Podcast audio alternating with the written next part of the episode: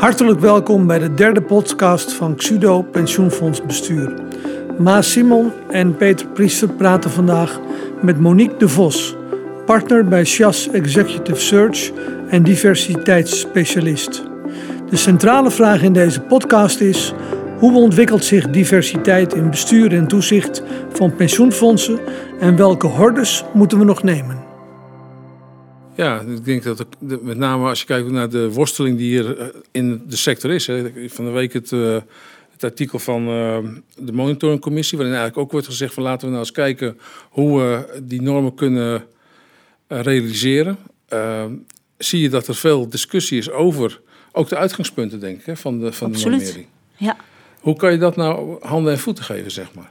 Hè, dat dat gaat leven in de uh, want het is eigenlijk een papieren exercitie, die monitoringcommissie. Precies. Of papieren exercitie, maar uh, hoe kun je dat nu in je dagelijkse gang van zaken, in je, in je bestuur, hoe kun je dat nou een, een, plek geven? Nou, dat is mooi dat je dat zegt. Hoe ga je nou zorgen dat dat gaat leven? Want daar zit denk ik ook de kern.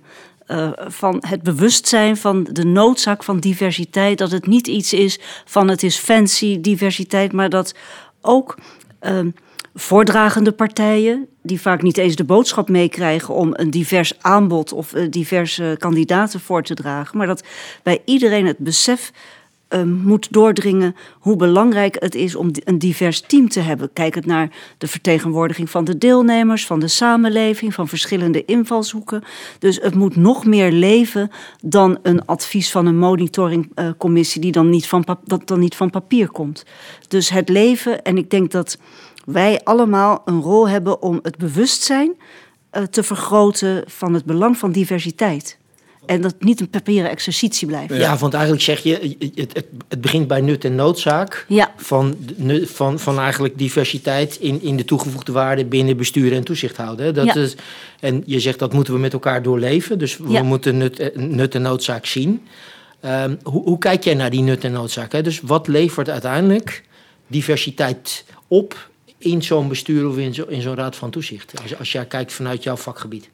Nou, ik, wat ik zie is um, dat een gelijksoortig bestuur of een gelijksoortige raad van toezicht zijn het heel snel eens. Dat zijn in een bepaald opzicht hele effectieve vergaderingen dan. Ja. We zijn het eens en we kunnen weer verder. Als je anderzijds ziet dat in bepaalde sectoren, neem bedrijfs- of pensioenfonds voor de schoonmaakbranche, die zijn er heel goed in geslaagd Ja. om diversiteit, zowel man-vrouw, maar ook culturele achtergrond, in het bestuur een plek te geven, leeftijd ook. En dan kun je zeggen van nou in de schoonmaakbranche, dat is logisch, want daar werken ook heel veel mensen met een migratieachtergrond. Maar daar is echt gewerkt aan die diversiteit. En daar zie je, en dat zeggen die bestuurders ook, we hebben heel andersoortige discussies omdat er mensen zitten die zeggen: je kunt wel een hele mooie app maken, maar de deelnemers die hebben uh, Ja. vaak helemaal geen bewustzijn dat er een app handig is. Of het is juist niet handig voor, om jongeren te bereiken. Dus er, veelsoortigheid geeft ook een, he- heel veel verschillende invalshoeken. En dat draagt bij, denk ik, tot een goede evenwichtige besluitvorming. En dan moet je de consequentie aanvaarden dat je niet in een uur klaar bent met vergaderen, omdat je het al heel snel eens bent. Maar daarmee zeg je eigenlijk, hè, want dit eh, een mooi voorbeeld schoonmaakt natuurlijk, omdat die eh, inderdaad ook gekeken hebben wie zijn er werkzaam in de sector. Precies. Eh, dat het in jouw beleving verder gaat dan seksen en leeftijd zelf, maar ook breder dan dat als het gaat om diversiteit. Ja, ik denk dat diversiteit, ik gebruik heel vaak het, het, het, het woord complementariteit, omdat diversiteit al heel, heel snel in man-vrouw Ja. diversiteit wordt getrokken. Ja. En dat is meer dan dat. Want je hebt natuurlijk ook, en zeker ik heb ook in de financiële dienstverlening gewerkt. En het was heel raar dat ik niet een grijs pak aan had, want daarmee was ik anders. En ik denk dat het niet alleen zit in man-vrouw, want je kunt je als vrouw heel mannelijk gedragen in de besluitvorming, maar dat het ook zit in hele verschillende invalshoeken. En die heb je ook in verschillende leeftijden. Kijk naar de discussie die je zelf eh, thuis hebt, of met vrienden, eh, of met kinderen van, van jezelf of van vrienden. Je hebt heel andere gesprekken, je kijkt heel anders tegen dingen aan. En dat maakt wel dat het beeld ronder wordt. Ja. Ja, dus dat. dat want want de- bij man-vrouw, dan zie ik dat gelijk. Ik zie nog wel eens bij jongeren versus ouderen dat het voor jongeren aan de andere kant ook best wel weer ingewikkeld is. eh, zonder die vlieguren die je misschien Ja. hebt opgedaan, een rol te, te spelen ook als bestuurder. Hè? Dat het ook best nog wel eventjes uh, nou, aanpassing vraagt en uh, op een andere manier naar vraagstukken durven kijken. Ja. Hoe kijk jij daarnaar? Uh, herken je dat? Of? Ja, dat herken ik. En ik, daar ontkom je niet aan. Ik geloof erg dat je in pensioenfondsbesturen ook moet werken met traineeships. Ja. Ten eerste om het interessant te maken. Want jongeren die vinden heel vaak pensioen niet, sowieso niet interessant. Ouderen ook heel vaak niet, maar, pensioen, maar jongeren al helemaal niet. Dus ik geloof dat je het echt aantrekkelijk moet maken voor jongeren. Om, die vinden het wel weer leuk om in een bestuur te zitten. Om in traineeships, waardoor ze ook vertrouwd raken met het feit dat er ook een toetsing door DNB aan de orde gaat zijn.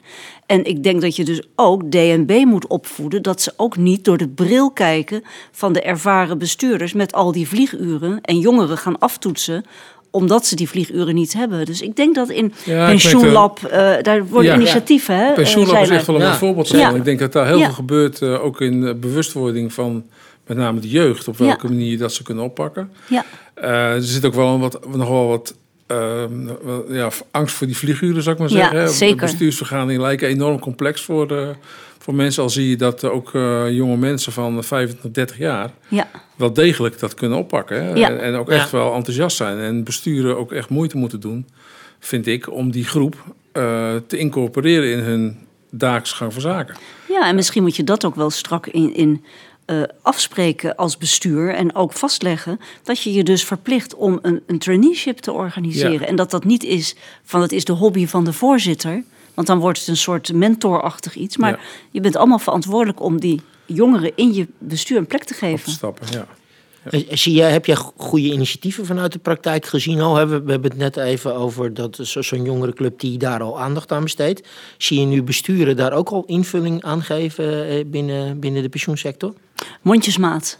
Mondjesmaat. Ik vind dat dat veel meer aandacht eh, moet hebben. En dat ook veel meer het bewustzijn er moet zijn dat dat dus ook waarde toevoegt. En dat het niet alleen maar een soort opleid, opleidingsworkload is. Ja. Maar het gebeurt wel in diezelfde eh, schoonmaaksector eh, waar we het net over hadden, eh, gebeurt het ook. En daar zie je dat het, de belangstelling toeneemt. En dan gaan die jongeren onder elkaar elkaar ook stimuleren om in andere sectoren ook zitting Ja. te nemen in een pensioenfondsbestuur. Ja. Dus het moet, ja, hoe, hoe maak je een pensioenfondsbestuur sexy? Maar je moet het sexier maken. Ja. En, en maar tot nu toe zie je dat onze opleiding dan vooral maar gebaseerd is op die deskundigheid moet aanwezig Ja. zijn. Hè? Geschiktheid aan noem ik Ja. het maar eventjes. Maar jij zegt eigenlijk het is ook juist van belang dat je, zo- dat je ze de volle breedte meegeeft. En Ja. dat we ook veel meer aandacht aan opleidingen besteden. Zeg maar, zeg maar in, in het besturen zelf. Ja, Eh, ja zonder meer. Ja, zonder meer. Ik merk wel dat er veel behoefte aan is. Hè? Als die jongeren willen echt graag deelnemen aan bestuursvergaderingen, aan commissievergaderingen, om maar te snappen wat daar gebeurt. Want ik denk, eh, ik, ik sluit me aan bij jou, dat, dat, niet echt, dat men niet echt afstandelijk staat tegen pensioenfondsbesturen, maar veel meer de onwetendheid of de, de, de, de grootsheid misschien wel, terwijl die er eigenlijk niet is. Nee, En het enthousiasme is enorm, hè? want ik geloof dat voor het laatste pensioenlab eh, Ja. 120 aanmeldingen waren Ja, voor zeker. 20 plekken of 15 plekken. Dus zeker. Ja, en de angst teg- tegelijkertijd voor, kan ik dat wel en eh, voldoe ik dan wel aan die norm van de Nederlandse bank, die is er ook. ja. ja. Dus je moet de Nederlandse Ja. bank daarin ook committeren, eh, veel meer dan tot nu toe, dat zij dus ook op een andere wijze Ja. toetsen bij instappen van jongeren. Ik, ben- ik, ik zelf heb het gevoel dat DNB daar al op een iets andere manier naar kijkt. Eh, vanuit, ik denk wat jij ook zegt, dat de breedte die je daarmee bestuurlijk wint, ook wel Ja. door de toezichthouder wordt gezien, eh, Ja. los van de, de, de, de specifieke deskundigheid. Ik weet niet of ze er al naar handelen. Oké. Waar, waar baseer je dat op? Nou, omdat ik wel van een aantal mensen heb gehoord dat ze dus wel bij de Nederlandse bank dan op gesprek zijn, maar toch wel met een partij huiswerk naar weg worden gestuurd. Oh, zo, ja, ja. Terwijl je niet, eh, ehm, dat kun je niet altijd inlopen. Ja. Ja, dus ze, ze, ze enthousiasmeren feitelijk dan de kandidatuur niet, eh, zeg je daarmee. Ja, ik generaliseer nu heel erg, maar dat heb ik wel van een aantal mensen eh, gehoord. Dat de vragen die ze stelden, eh, die gesteld werden, eh, dat die toch ook wel vaak ja, werden eh, gesteld vanuit het perspectief: hoeveel ervaring heb je nou? Ja, ja, Ja. ja. Ja, en dat is een soort retorische vraag dan, eh, bij. Precies. ja. Ja. Ja. Ja. Hey, we zi- zitten nu een beetje op de, goede, op de mooie voorbeelden. Pensioenlab is natuurlijk eh, een goed initiatief. Toch Ja. zie je, je zei het, het gaat maar heel geleidelijk, het gaat mondjesmaat. Waar zit nou die, die- waar zit nou die angst of die, die, die drempel waar ze met dat winkelwaardje maar niet overheen komen, zeg maar, het besturen? Ik weet niet of het, ja, ik weet niet of het angst is of onwil. Ik denk eerder onvermogen, gebrek aan bewustzijn. Ehm, ik denk ook dat er onvoldoende met elkaar wordt gedeeld. Dat ehm, als er een nieuwe eh, bestuurder wordt gezocht, dat ze dus dat diversiteitscriterium Ja. moeten hanteren. Want ik merk ook dat als wij de vraag krijgen als headhunter, dat wij die vraag moeten oproepen. Van goh, moeten wij dan, moeten jullie niet divers zijn? En dan zeggen ze, oh, ja, goed idee. Dus de selectiecommissie of wie dat dan ook vanuit het Het bestuur... bewustzijn. En dan, Is er. het is, het is, ik geloof, ik ben niet zo van de onwil. Eh, dat is er niet. Ik denk eerder zelfreflectie. Het gaat nu goed. We weten waar we het over Ja. hebben. Of we zitten in zwaar weer, dus we kunnen geen risico's nemen. En men heeft nog steeds de perceptie dat het een risico is om een ander perspectief binnen te halen. Maar het grootste risico, denk ik, is dat er in eensoortigheid... In hetzelfde blijft hangen, ja. Dat je in hetzelfde blijft hangen. En dat de, de mindshift van waar zit nou het risico door diversiteit in te brengen... die moet nog wel plaatsvinden. En, en eh, wat jij net noemt, is dat dan vooral vanuit leeftijd of ook eh, zelfs seksen ge- eh, georiënteerd, zeg maar? Dus, eh, Langzamerhand is seksen georiënteerd, is minder, eh, ziet men minder als risico. Dan wil men ook wel zeggen van nou, ik draag daaraan bij. Hè. Het is wel ehm, veelal leeftijd en ook wel een eh, migratieachtergrond. Dat komt al helemaal niet op.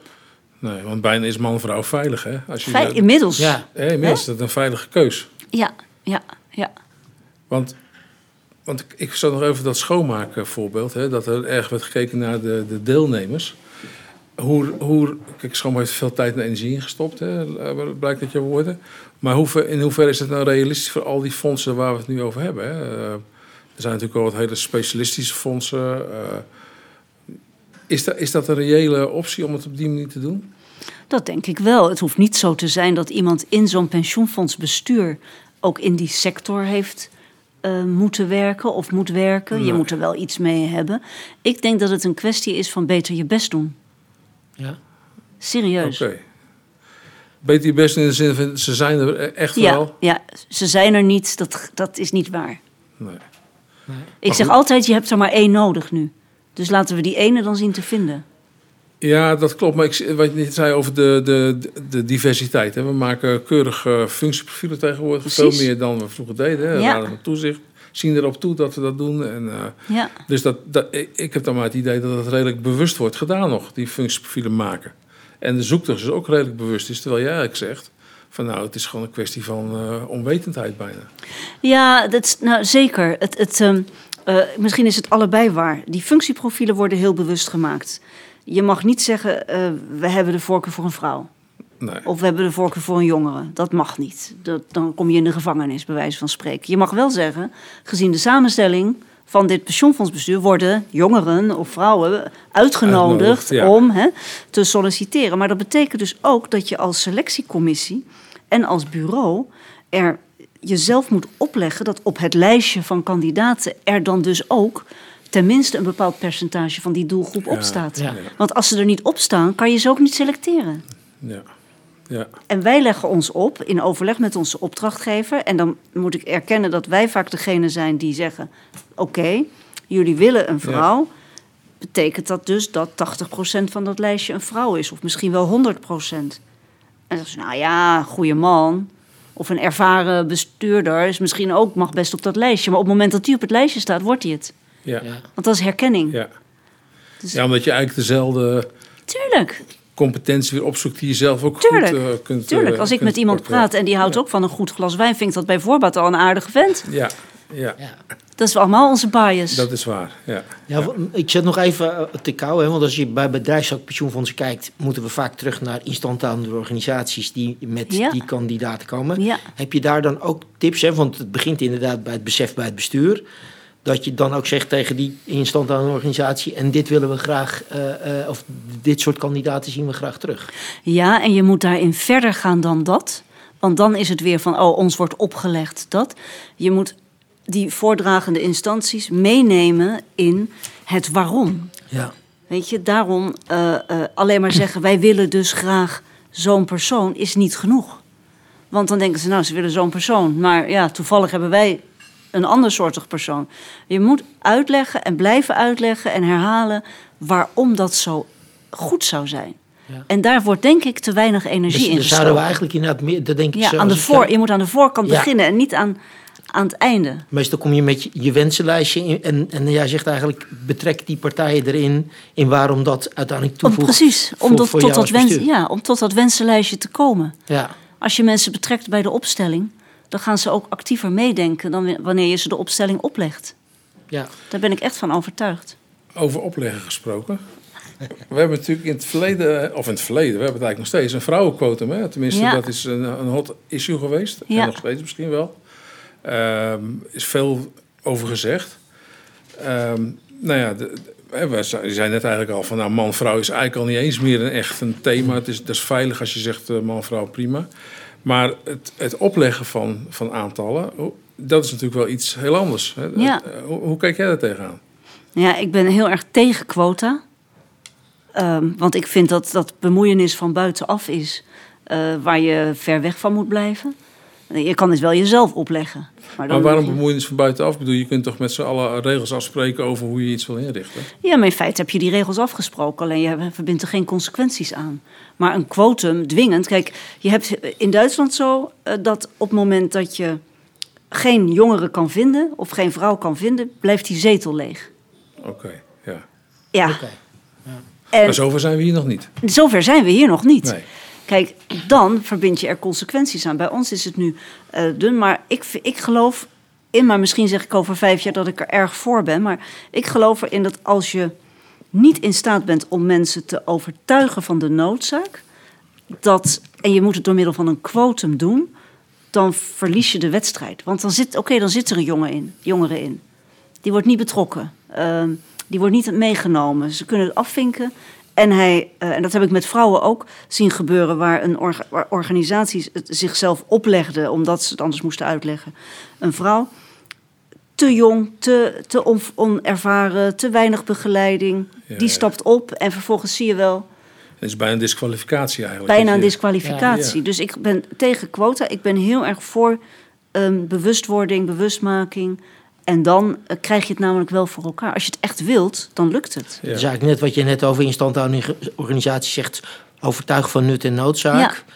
Om Ja. dan met elkaar eh, daar eigenlijk naar te streven Ja. in plaats van dat je dat eh, afdwingt. Ja. Want jij zei- je gaf net al wat voorbeelden hoe jij als, als wervingsselectiebureau daar ook invloed op uitoefent. Hè, door gewoon het gesprek daarover aan te gaan.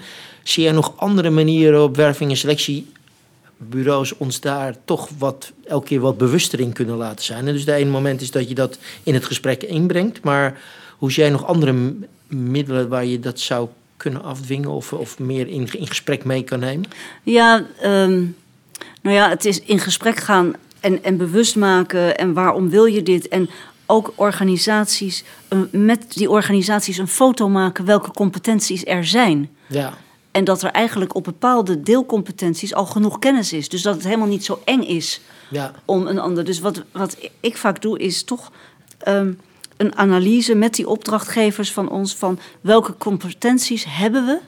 Hè, en ook welke man, vrouw, maar dat is natuurlijk allemaal heel fijn. Maar welke competenties hebben we? Welke hebben we niet? Waar gaan we ze vandaan halen? En dat zal dan per definitie iemand zijn die iets anders is. Want anders had je die competenties. Maar, maar kunnen opdrachtgevers dan ook benoemen welke competenties ze hebben? Toevallig hebben we recentelijk bij een fonds die competenties weer in beeld gebracht. En dan zie je natuurlijk van oudsher de focus wel heel erg op het beleidsstuk eh, Ja, liggen. zeker. En niet altijd in het executiestuk, zeg Nee, ik dan maar eventjes. Nee. Ehm, maar wordt dat genoeg geobjectiveerd? Dus dat je dat voldoende in beeld kan brengen als je met een opdrachtgever zo om de tafel zit? Het aardige is dat dat beter lukt als ik die bestuurders één op één spreek. Dan wanneer ze en groep. Dan krijg je een soort groepsgedrag. Dan zijn het met elkaar Ja. eens. Ja, En ja. dan is het eenmaal als ik ze één op één spreek. Zeg van wat breng jij nou mee? Wat brengt die mee? Wat brengt die mee? Wat brengt die mee? Dan krijg ik het wel beter in beeld. Dat lukt wel. En dan heb je ook beter het, het beeld waar het hiaat zou Ja. kunnen liggen in het Ja. bestuur. Ja, ja. Ja. Ja, we hebben daar een hulpmiddel voor bij de pensioenfondsbestuur. Die deskundigheidsmatrix, zal ik maar precies. zeggen. Hè? Precies. En dat is natuurlijk bijna key voor, voor het bepalen van de competentie die je mist. Ja, Heb, heb, heb je die dingen wel eens gezien? Of, ja eh, gebruikt. En, en gebruikt. hoe, hoe is de kwaliteit daarvan? Ik vind die, ma nou ja, die matrix is ook wel heel erg vaak feitelijk en niet dynamics. eh, Ja. eh, ge- gefocust. En daar zou echt nog wel een kolom achter kunnen, want we gebruiken ze ook eh, eh, veel. Maar ik vind zelf dat je... ehm, soms denk je echt van, ja, wat bedoel je nou in zo'n matrix? Weet je, een, laag, midden, hoog. Maar ik geloof dat je in die matrix, dat je die uit kunt breiden. En dan kun je misschien deskundigheids- of dynamics matrix, of hoe noem je het. Maar dat je die andere component ook in beeld Meer moet beeld brengen. En dat Ja. kun je echt wel in beeld krijgen. doe je met een zelfevaluatie ook. Ja, we hebben recent bijvoorbeeld een LIFO-systematiek gebruikt. Precies. Die dan in vier kwadranten eh, Ja. het hoofdgedrag. Ja. eh, maar Ja. dan, dan zie je daarmee meet je hem ook in crisis, zeg maar. Ja. Hè? Dus dan heb je in die zin ook een spiegeling van: heb je, eh, heb je het nou ook Precies. hetzelfde gedrag? eh, Ja. bij in crisis? andere oh ja. dat is heel leuk. Ja. Ja. Ja. En dan Ja. zie je ook wel dat mensen dus heel erg kunnen verspringen in hun gedrag eh, als het een crisis is. Ja, zeker. Ja. Als je dan, we hebben een aantal dingen aangestipt. Hè. Als je dan kijkt naar van als jullie echt wat willen leren, dan moet je naar die en die sector gaan. Of dan moet je eens kijken bij dat en dat Ja. eh, bedrijf. Of, Eh, Bij lokale overheden.